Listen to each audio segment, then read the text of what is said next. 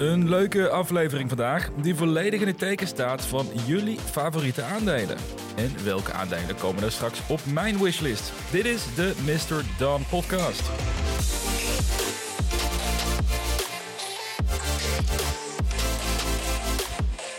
En leuk dat je luistert naar een nieuwe aflevering. Mijn naam is Jasper en vandaag hebben we een leuke aflevering voor de boeg.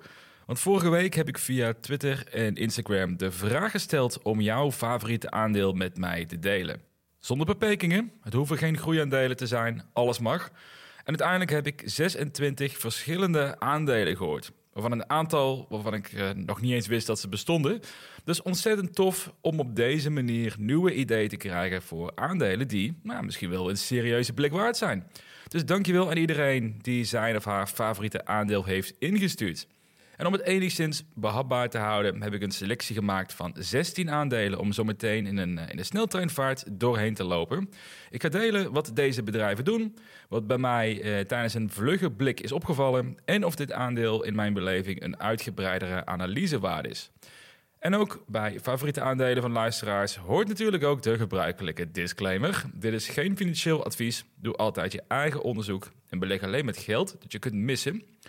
En vind je dit een leuke podcast? Nou, dan zal je mij ook helpen om een score achter te laten via de Spotify-app of via Apple Music.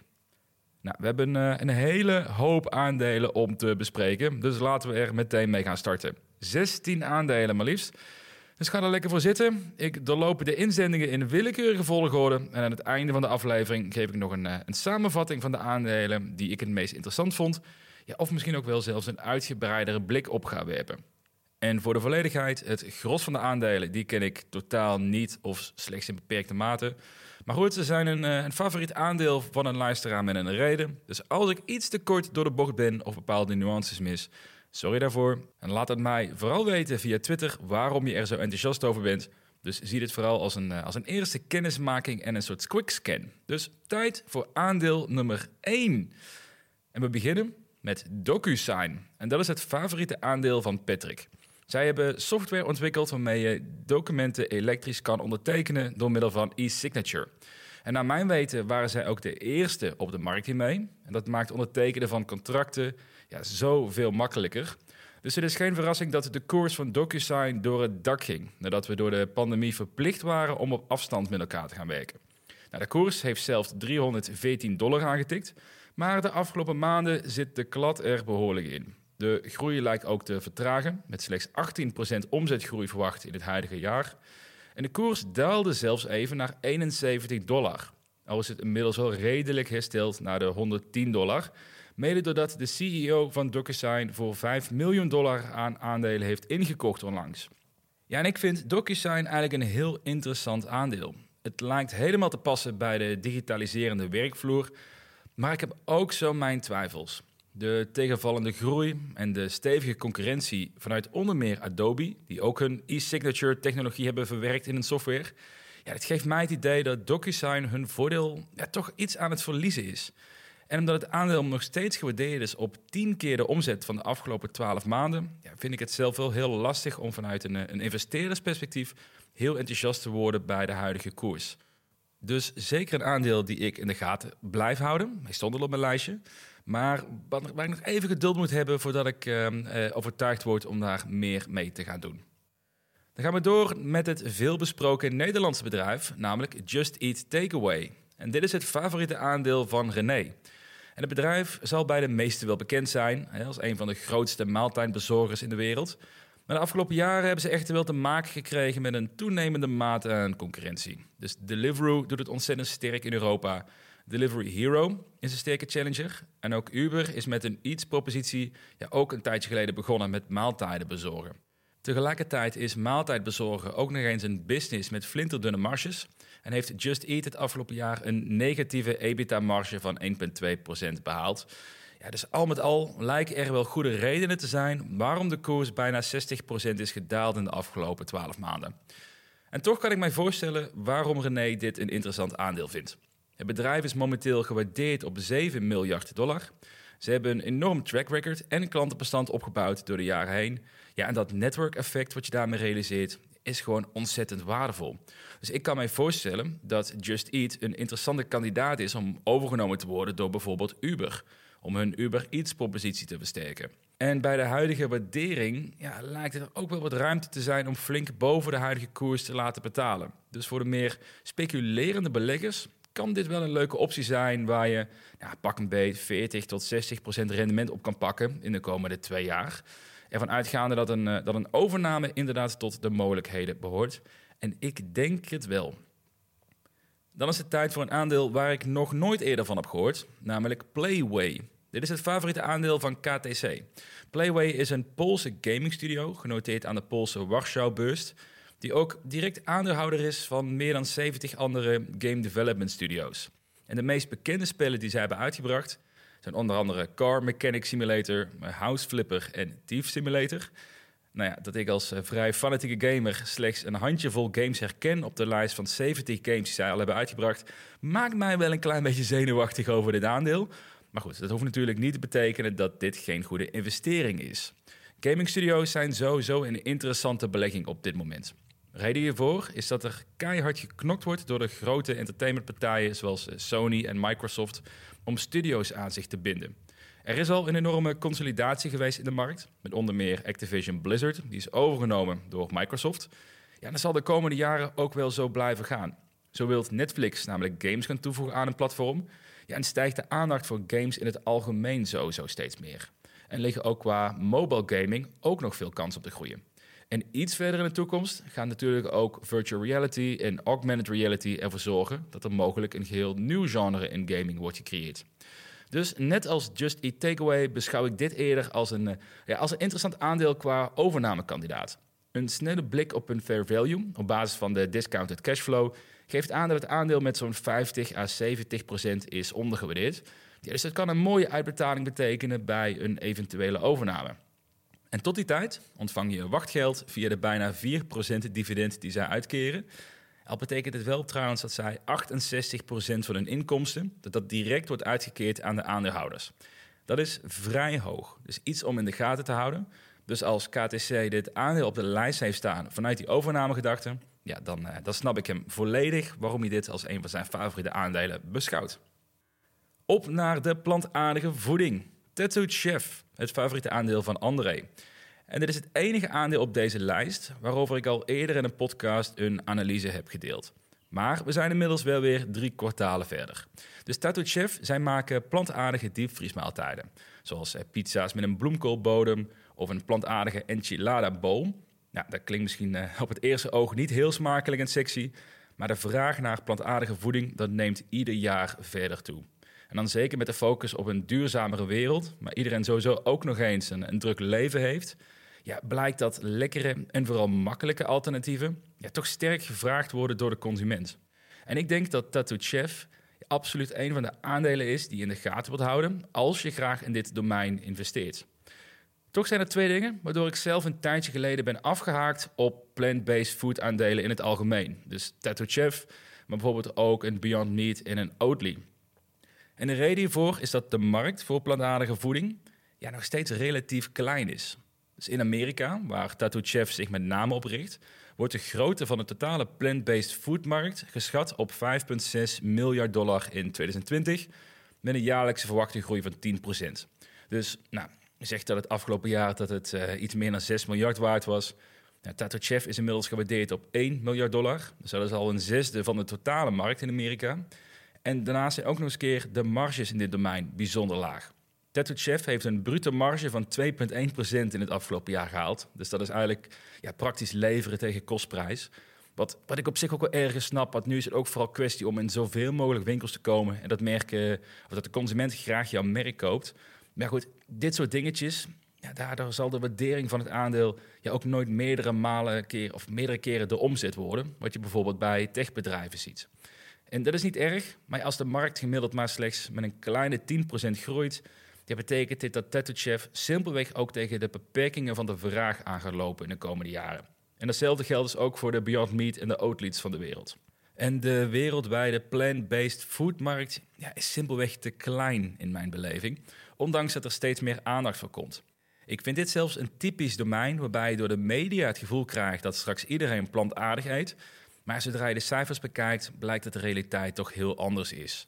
Maar als jij erin gelooft dat de vraag naar plantaardige voeding harder gaat stijgen dan dat marktonderzoeken suggereren, ja, dan zou Tattoo Chef wel een, goede optie kunnen zijn. Omdat diepvriesmaaltijden, en ze schijnen nog lekker te zijn ook, nou, dat is een, een helemaal een mooi pluspunt, ja, die zullen altijd wel in trek blijven bij de consumenten. Dan door naar het vierde aandeel. Het eerste kwart zit er al op van deze aflevering. We gaan er met een uh, sneltreinvaart doorheen. Op naar het vijfde aandeel van deze aflevering. Net was de vierde natuurlijk. En dat is Nu Holdings. Het favoriete aandeel van Pascal. Dit aandeel is het holdingbedrijf voor Nubank, de grootste fintechbank van Latijns-Amerika. En die regio die wordt al lange tijd gedomineerd door vijf banken, die voor totaal 85% van alle transacties in Chili, Brazilië en in Mexico voor hun rekening nemen. Ja, en door deze machtige positie heeft er vrijwel geen innovatie of andere vormen van technologische vooruitgang plaatsgevonden in die industrie. En het is de uitdaging van Nubank om daar dus verandering in te gaan brengen. Door met de hedendaagse technologie het bankwereldje daar flink te gaan disrupten. Je zou het kunnen vergelijken met een PayPal of een Square. Misschien dan wel in een uh, iets meer uh, kleinere vorm. En daar lijken ze ook trouwens ook aardig in te slagen. Vooral als je kijkt naar het aantal klachten die de traditionele banken daar krijgen. Dat is namelijk zes keer zo hoog als het aantal klachten dat Nubank krijgt. En ik geloof erin dat een sterk product cruciaal is als je in een gevestigde markt gaat betreden. Nou, en dat uh, schijnen ze wel goed voor elkaar te hebben. En Nu Holdings is een typisch groeiaandeel die past in het straatje van mijn portfolio. Dus het afgelopen jaar is de omzet 138% gestegen. En ook de bruto winst is met 131% gestegen. Voor het komende jaar verwachten analisten een groei van 73%. Dus dat blijft nog steeds bijzonder agressief. Er liggen simpelweg gewoon enorme kansen in de Latijns-Amerikaanse markt voor fintech-bedrijven. Dus ik kan mij het enthousiasme van Pascal wel goed voorstellen. Tegelijkertijd is het aandeel in mijn beleving wel bijzonder duur geprijsd. De waardering is namelijk ruim 37 miljard dollar.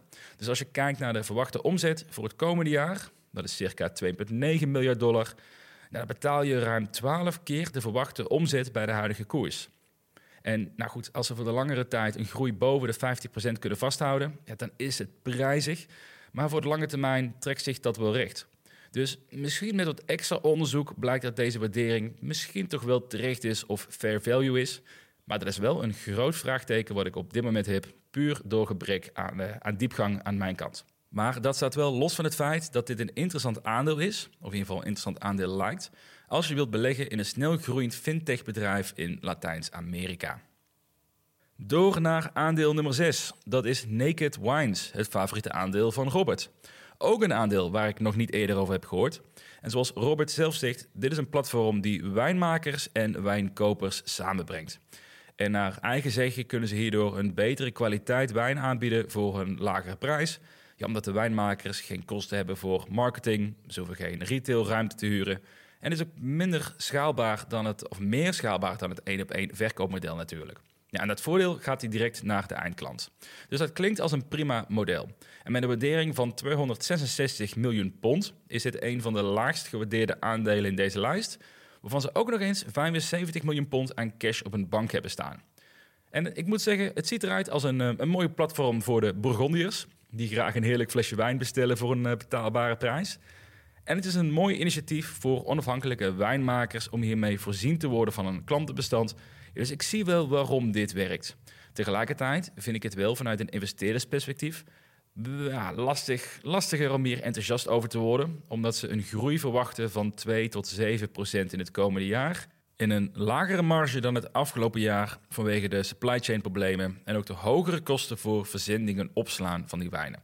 En ik vind het lastig te bepalen ja, hoe groot dit echt kan worden. Want als tussenpersoon in de retail blijft het altijd schrapen om goede marges te krijgen.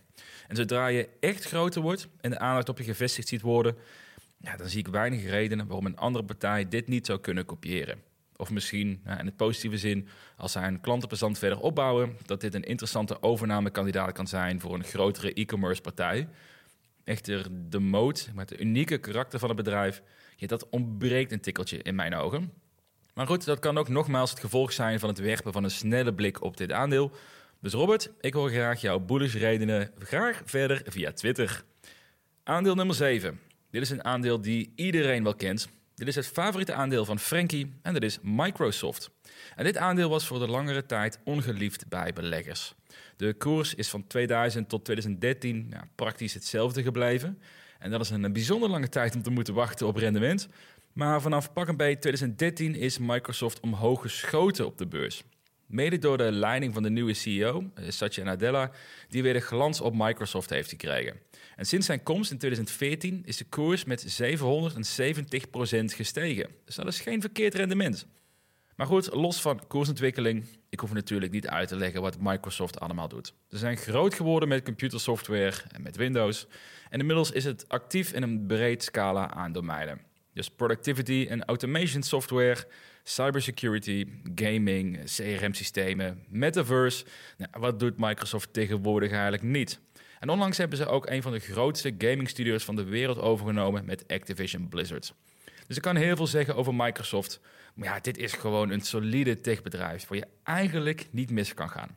Ze hebben een enorme cashflow, ze zijn sterk winstgevend. Ze hebben het afgelopen jaar een omzet met 20% gegroeid. En ze keren ook nog eens een, eh, een bescheiden dividend uit. De waardering is inmiddels wel aardig opgelopen naar een price to earnings van bijna 35. Ja, dat is het hoogste punt sinds begin 2018. Dus Microsoft is absoluut geen goedkoop aandeel. Maar het is wel een aandeel die eigenlijk in ieders, nou, noem het zeggen, in iets defensieve portfolio, ja, daar past het eigenlijk bij iedereen wel bij. Dus Frankie, nogmaals, ik kan veel zeggen over Microsoft. Maar zeker als je een belegger bent die een gemiddeld risico wilt nemen en graag investeert in solide aandelen, ja, dan zou dit aandeel ook in mijn top 5 horen. Dan is het tijd voor aandeel nummer 8. Dit is het favoriete aandeel van Stef, namelijk PostNL. En het is grappig, want het zou een aandeel zijn waar ik zelf never nooit zou, uh, zou gaan onderzoeken om in te investeren. Maar anderzijds heb je het hier over een marktleider in een sector die cruciaal is binnen onze maatschappij. Een enorme historie en die zo'n sterke positie hebben dat ze nou, praktisch kunnen vragen voor hun diensten wat ze willen. In, uh, zekere zin dan natuurlijk, want je hebt wel een paar concurrenten. Maar goed, dat blijkt ook als ik een blik werp op hun jaarverslag. Hun omzet is slechts 6% gestegen, maar de winst van het jaar is 19% gestegen. De free cashflow is zelfs met 55% gestegen. En dit is natuurlijk allemaal gedragen door de afgelopen twee jaar. Waarbij we praktisch verplicht zijn geworden om meer spullen online te bestellen. Want de winkels waren natuurlijk dicht tijdens de pandemie. Dus natuurlijk heeft PostNL de, de winst behoorlijk in de rug gehad. Maar het lijkt hen wel geholpen te hebben om in een solide situatie te komen. Zo hebben ze een enorme kas met geld beschikbaar van 848 miljoen euro. En een van de meer, nou, meest bizarre cijfers die ik tegenkwam over PostNL, dat is hun dividenduitkering, namelijk 12 En dat komt door hun uitgangspunt om circa 70 tot 90 procent van hun totaalresultaat uit te keren aan aandeelhouders. Want ja goed, eh, veel groei mag je natuurlijk ook niet meer verwachten van PostNL. Maar dat betekent dat je bij een goed jaar dat je hier dus ook direct van profiteert als aandeelhouder. Nou, persoonlijk zou ik niet snel investeren in PostNL, want qua innovatie hoef je hier, uh, hoef je niet veel van te verwachten. Maar dit lijkt me wel weer een prima defensief aandeel voor meer een dividendgerichte belegger.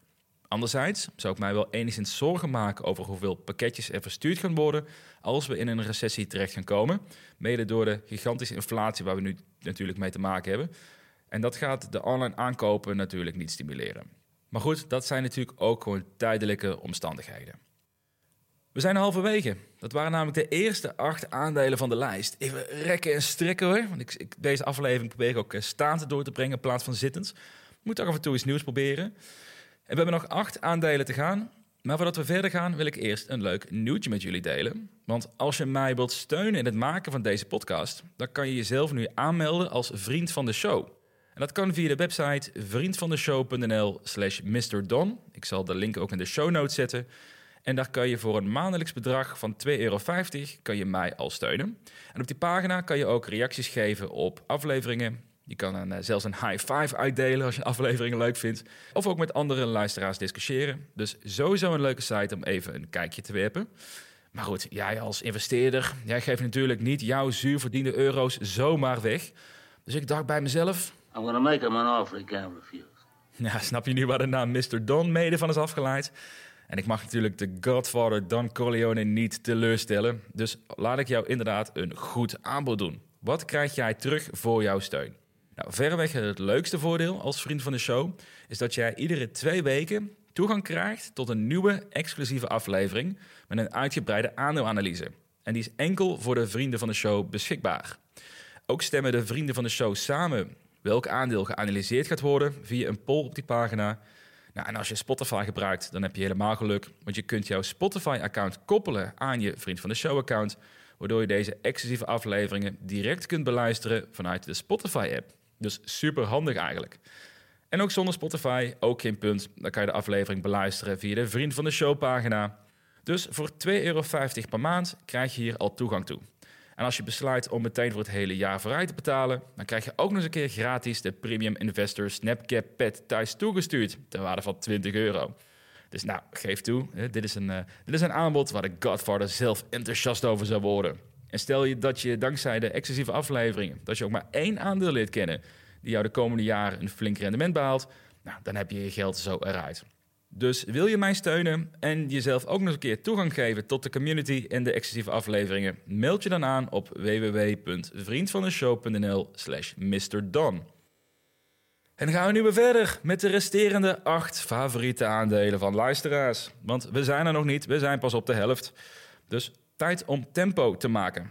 Want anders wordt dit een, eh, een hele lange aflevering. Nummer 9. Black Rifle Coffee. Dit is het favoriete aandeel van Marcel. Ook weer zo'n aandeel waar ik nog niet eerder over heb gehoord. Dit bedrijf is via een spec naar de beurs gekomen, slechts twee maanden geleden. En het is een van de weinige specs die de belegger tot nu toe heeft beloond. Het aandeel is in een korte tijd namelijk verdubbeld, van circa 10 dollar naar nu 22 dollar, waardoor het bedrijf nu gewaardeerd is op bijna 4,3 miljard dollar. En dat uh, lijkt best wel heftig voor een koffiebedrijf. Dus ik ben nu wel heel nieuwsgierig geworden naar de unieke technologie wat dit aandeel of wat dit bedrijf heeft. Net zoals je mag verwachten van een bedrijf genaamd Black Rifle Coffee. Dit is een, eh, een 110% Amerikaans bedrijf. Hun missie is dat zij koffie en cultuur aanbieden aan mensen die houden van Amerika. Opgericht door voormalig soldaten met het doel om 10.000 veteranen aan het werk te krijgen. Nou, absoluut een nobel doel, die vast en zeker ook wordt gewaardeerd door de patriotische Amerikanen ik moet wel toegeven dat ik hierdoor het aandeel al direct in de meme-categorie stop, maar misschien is dat iets te vroeg veroordeeld. Het afgelopen jaar hebben ze een omzet behaald van 233 miljoen met een bruto marge van 34% En voor komend jaar verwachten ze een omzet van 315 miljoen dollar. Dus dat is een groei van 35% in de komende, de komende 12 maanden. Dus dat is een mooie groei, maar ik heb wel echt moeite om dit bedrijf te waarderen op de huidige 4,3 miljard dollar. Dat is namelijk bijna 14 keer de verwachte omzet dit jaar, terwijl het hier gaat om een retailbedrijf. De marges zijn daar traditioneel gezien relatief laag, maar ze worden gewaardeerd alsof dit een techbedrijf is met 85% bruto marges. En ergens bevestigt dit bij mij wel het beeld dat de waardering niet is gewaardeerd of niet is gebaseerd op fundamentele waarden, maar dat vooral het, uh, het Year America gehalte hier uh, de prijs drijft. En ik krijg hier waarschijnlijk misschien wel een, eh, een flinke ketser van Marcel voor terug. Maar ik zou persoonlijk dit aandeel eerder shorten dan in investeren. Maar wees gerustgesteld, Marcel. Mijn track record voor bedrijven die ik wil shorten is allesbehalve sterk. Ik heb er eh, tot nu toe vooral geld mee verloren.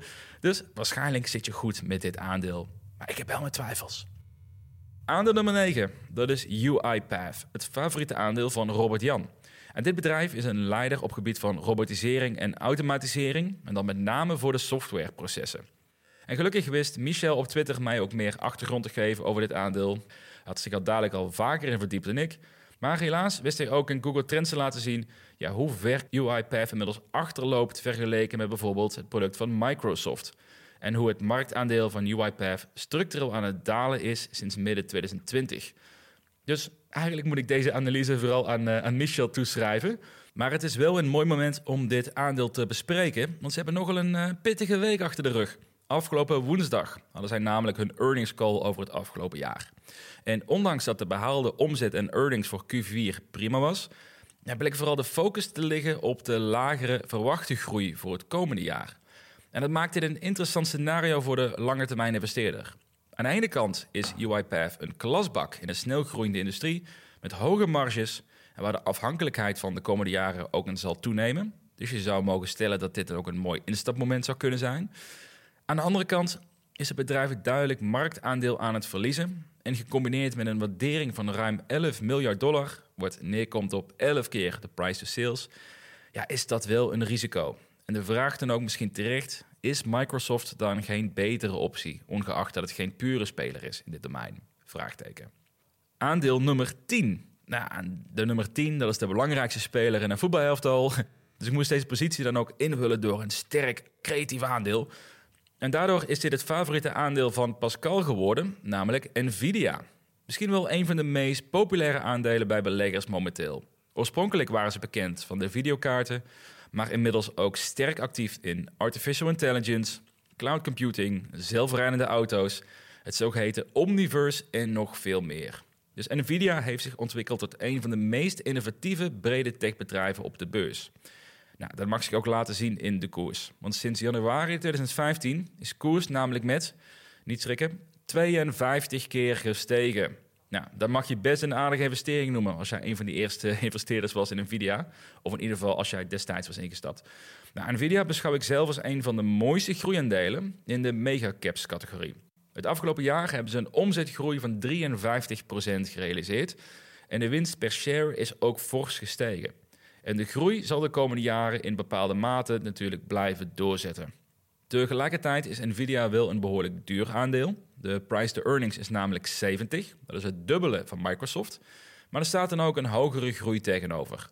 Ook betaal je ruim 25 keer de omzet van het afgelopen jaar. Nou, om dan toch een, een beetje een cheesy quote te gebruiken, maar het klopt wel. Warren Buffett eh, heeft de regel dat je beter een goede prijs kan betalen voor een uitstekend bedrijf dan een lage prijs voor een flutbedrijf. Of iets in die zin. Ik eh, zal er waarschijnlijk wel iets uh, verbasterd hebben. En Nvidia beschouw ik als het betalen van een hoge prijs voor een uitstekend bedrijf. Dus ik zou het wel spannend vinden om hierin te investeren. Maar tegelijkertijd zie ik ook wel in dat Nvidia in de komende 5 tot 10 jaar waarschijnlijk een van de belangrijkste bedrijven op de beurs gaat worden. Dus een mooie keuze van Pascal. Aan de nummer 11. Dit is ook een voormalig specbedrijf, namelijk AvePoint. Dit is het favoriete aandeel van Chris. En dit bedrijf ken ik redelijk, maar ik heb hier een jaartje geleden al eens een blik op geworpen. En AvePoint is het grootste onafhankelijke leverancier van software as a service oplossingen voor bedrijven met de focus op de Microsoft suite. Ja, een wat makkelijker ABC. Zij zorgen ervoor dat data van bedrijven goed wordt opgeslagen en wordt beveiligd.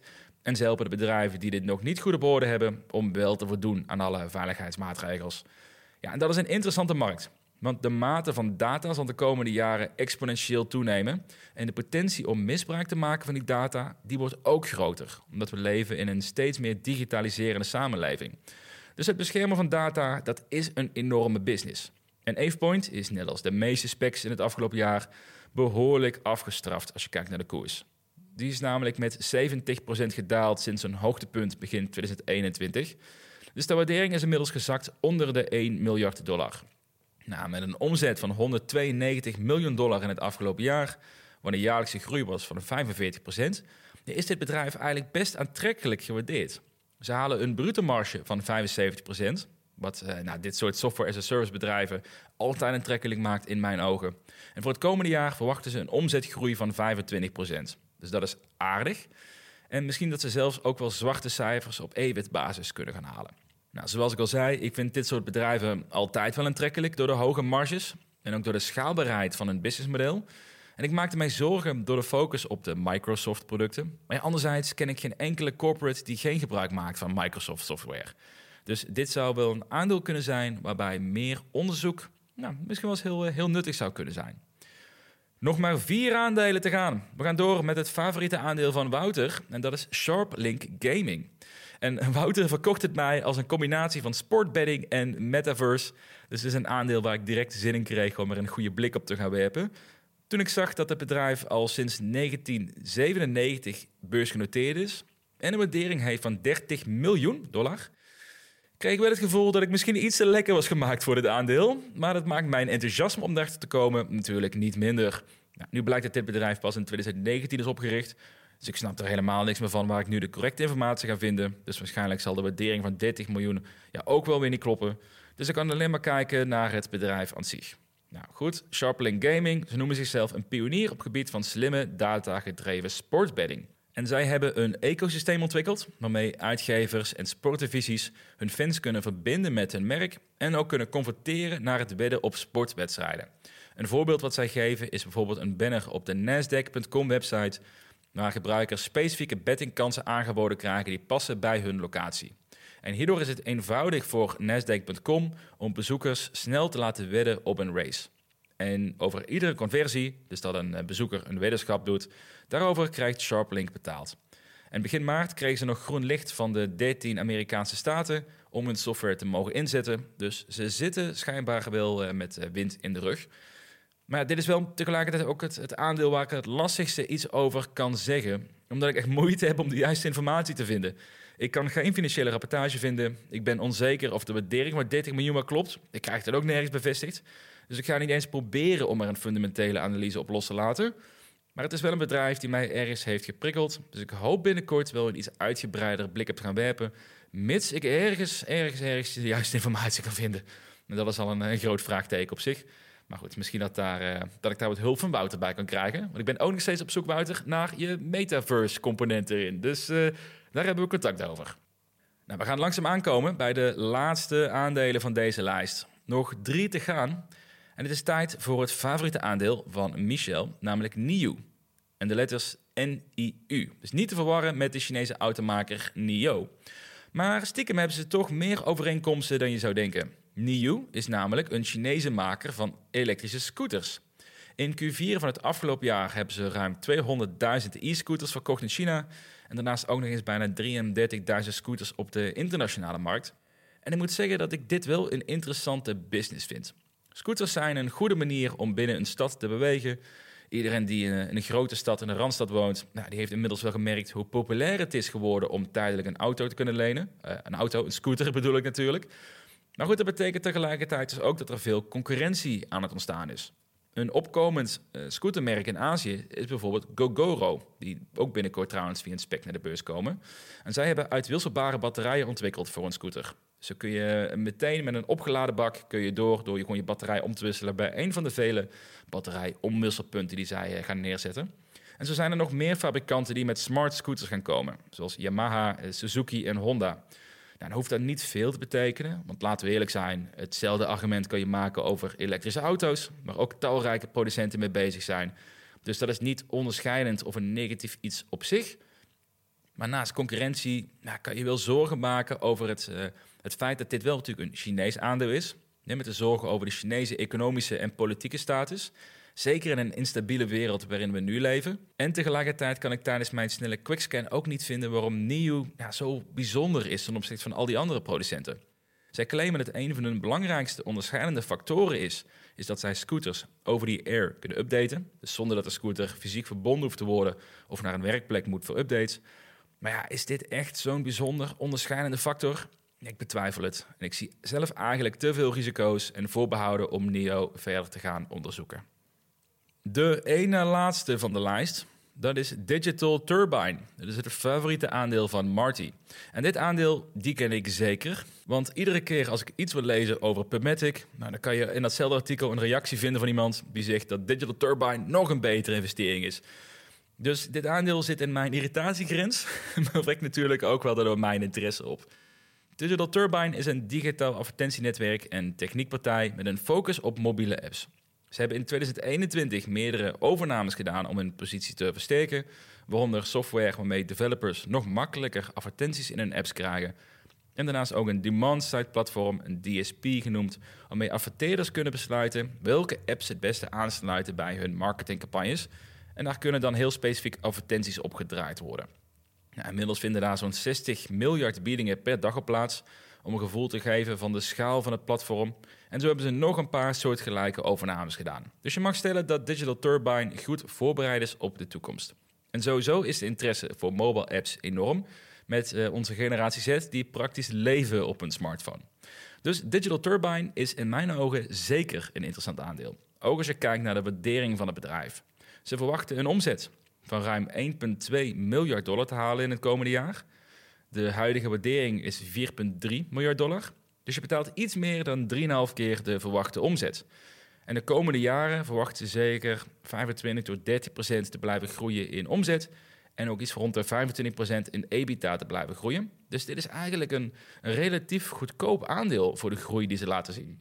En deze mening wordt ook gedragen door insiders bij het bedrijf, want een director heeft onlangs voor een kleine miljoen dollar aan aandelen ingekocht.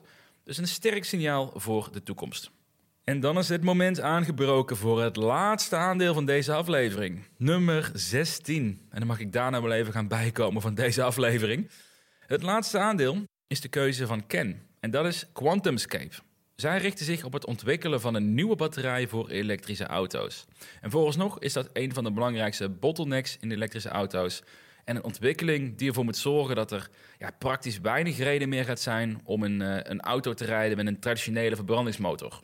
Volgens hun theorie kunnen ze met hun lithium-metaalbatterijen de afstand van auto's met zo'n 50 tot 80 procent verhogen en tegelijkertijd ook de oplaadtijden fors verlagen. Dus bijvoorbeeld een auto die momenteel 400 kilometer aan afstand haalt, zou hiermee zo 600 à 700 kilometer kunnen afleggen. Ja, en dat is wel echt een gamechanger. Ik moet wel de nadruk op beleggen dat volgens hun theorie dit bewijst. Want vooralsnog hebben ze ruim 2 miljard dollar geïnvesteerd in de technologie, maar er is nog geen werkende batterij. Sterker nog, die verwachten ze ook niet naar de markt te brengen voor 2025. Dus het gaat echt nog een tijdje duren voordat deze nieuwe betere batterijen, mits hun theorie klopt, op de markt komt. En in de tussentijd staan partijen zoals een Panasonic ook niet stil. En is het Chinese Kettle al aan het experimenteren om batterij te maken zonder de wat meer zeldzame grondstoffen zoals lithium en kobalt. Dus je mag dit een hoogst speculatief aandeel noemen, die met een waardering van 8,7 miljard dollar ja, toch al geprijsd lijkt voor het succes. En dat is jammer, want ik zou graag investeren in een innovatieve batterijmaker voor elektrische auto's. Maar gezien de hoge onzekerheid en daarmee risico, gepaard met de hoge waardering van QuantumScape, ja, zorgt wel ervoor dat ik dit aandeel in de gaten blijf houden. Maar als investeerder vind ik het wel heel spannend. Maar goed, een hoger risico en daarmee dus ook een hogere upside. Al ben ik wel benieuwd hoe hoog de upside kan zijn als het redden met de waardering die al zo hoog is. Maar we gaan het meemaken. En dat waren ze dan, de 16 favoriete aandelen van luisteraars. Samenvattend, als je kijkt naar de aandelen die mij het meest hebben aangesproken, dan zijn dat Nu Holdings, AvePoint, Nvidia en Digital Turbine. Ik denk dat deze vier allemaal op een eigen manier een mooie investering kunnen zijn. Al zou ik wel kritisch zijn op de waardering van in ieder geval de eerste drie genoemde. Qua meer speculatieve aandelen zou ik gaan voor Just Eat en Playway, beide voor de potentie om overgenomen te worden, en QuantumScape voor de high risk, high reward als hun theorie inderdaad schijnt te kloppen. En voor een defensief portfolio zou ik gaan voor Microsoft en PostNL. In ieder geval voor de komende drie jaar, want daarna kan het nog wel eens heel snel gaan met hun positie in het landschap. Maar al moet ik zeggen, Microsoft die, gaan, eh, die kunnen wel wat langer mee dan drie jaar. Dan bedoel ik het misschien specifiek voor PostNL dat, dat, eh, dat ik die van max drie jaar zou aanhouden. Het enige aandeel waar ik echt aan twijfel, waar ik zelfs een, eh, een short positie in zou overwegen, dat is Black Rifle Coffee. Maar nogmaals, ik heb praktisch nooit short omdat ik daar waardeloos in ben. Dus dat zegt ook alweer genoeg. Maak je daar dus vooral niet te veel zorgen over. Laat mij vooral weten via Twitter wat jij vond van de aflevering en welke aandelen jou het meest hebben aangesproken. Dank aan iedereen die zijn of haar favoriete aandeel heeft ingezonden. Check zeker ook even de website www.vriendvandeshow.nl slash MrDon als je mij wilt steunen en toegang wilt krijgen tot de exclusieve afleveringen die binnenkort starten. En dan graag tot de volgende week.